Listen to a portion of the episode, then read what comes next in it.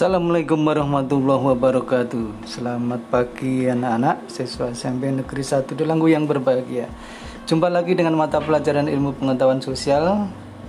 Pada pagi hari ini Semoga kalian tetap bahagia Tetap semangat Dan tetap rajin Dalam mengikuti pembelajaran setiap harinya.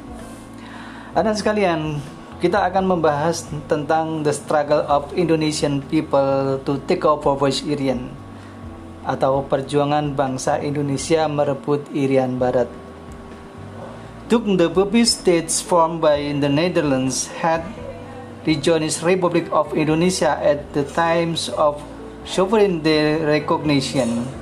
The territory of Indonesia wasn't completely intact yet This was because West Irian, now Papua, was still in the hands of the Dutch who intended to make it independent.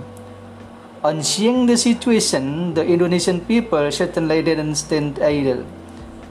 This chapter will discuss how Indonesian people struggle to take over this region.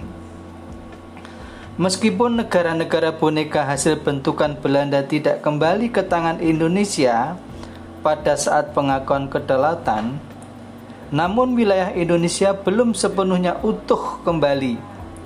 Hal ini disebabkan belum kembalinya wilayah Irian Barat, sekarang Papua ke tangan Indonesia. Wilayah tersebut masih dipertahankan oleh Belanda dengan tujuan untuk dimerdekakan.